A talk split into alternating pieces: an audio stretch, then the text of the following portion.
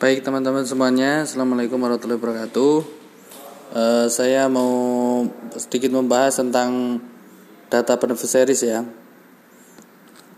Uh, Kenapa kita perlu mendata uh, penerima manfaat atau beneficiaries Pertama, karena uh, kita membuat program ya Itu alasannya karena ada orang yang mau ditolong. Nah, Orang ini tentunya ada kriteria-kriteria tertentu sehingga kita perlu memberikan pertolongan Nah, kalau dalam uh, beberapa perintah zakat ya misalkan kita lihat itu. Nah, di sini teman-teman bisa mendefinisikan beberapa hal ya, misalkan uh, seseorang itu fakir ya.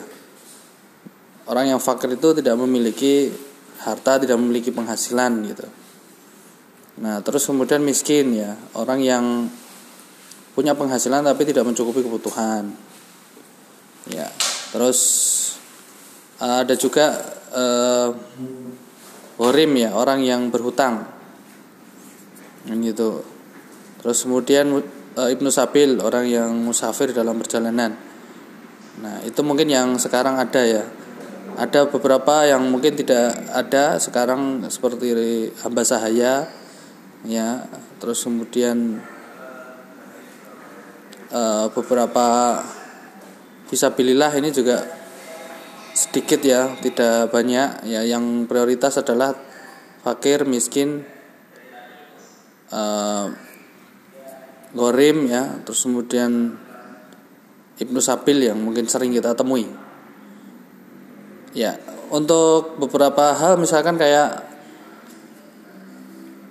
lansia ya terus kemudian kayak yatim ya itu. Atau kemudian orang yang sakit parah ya sehingga hartanya habis ya.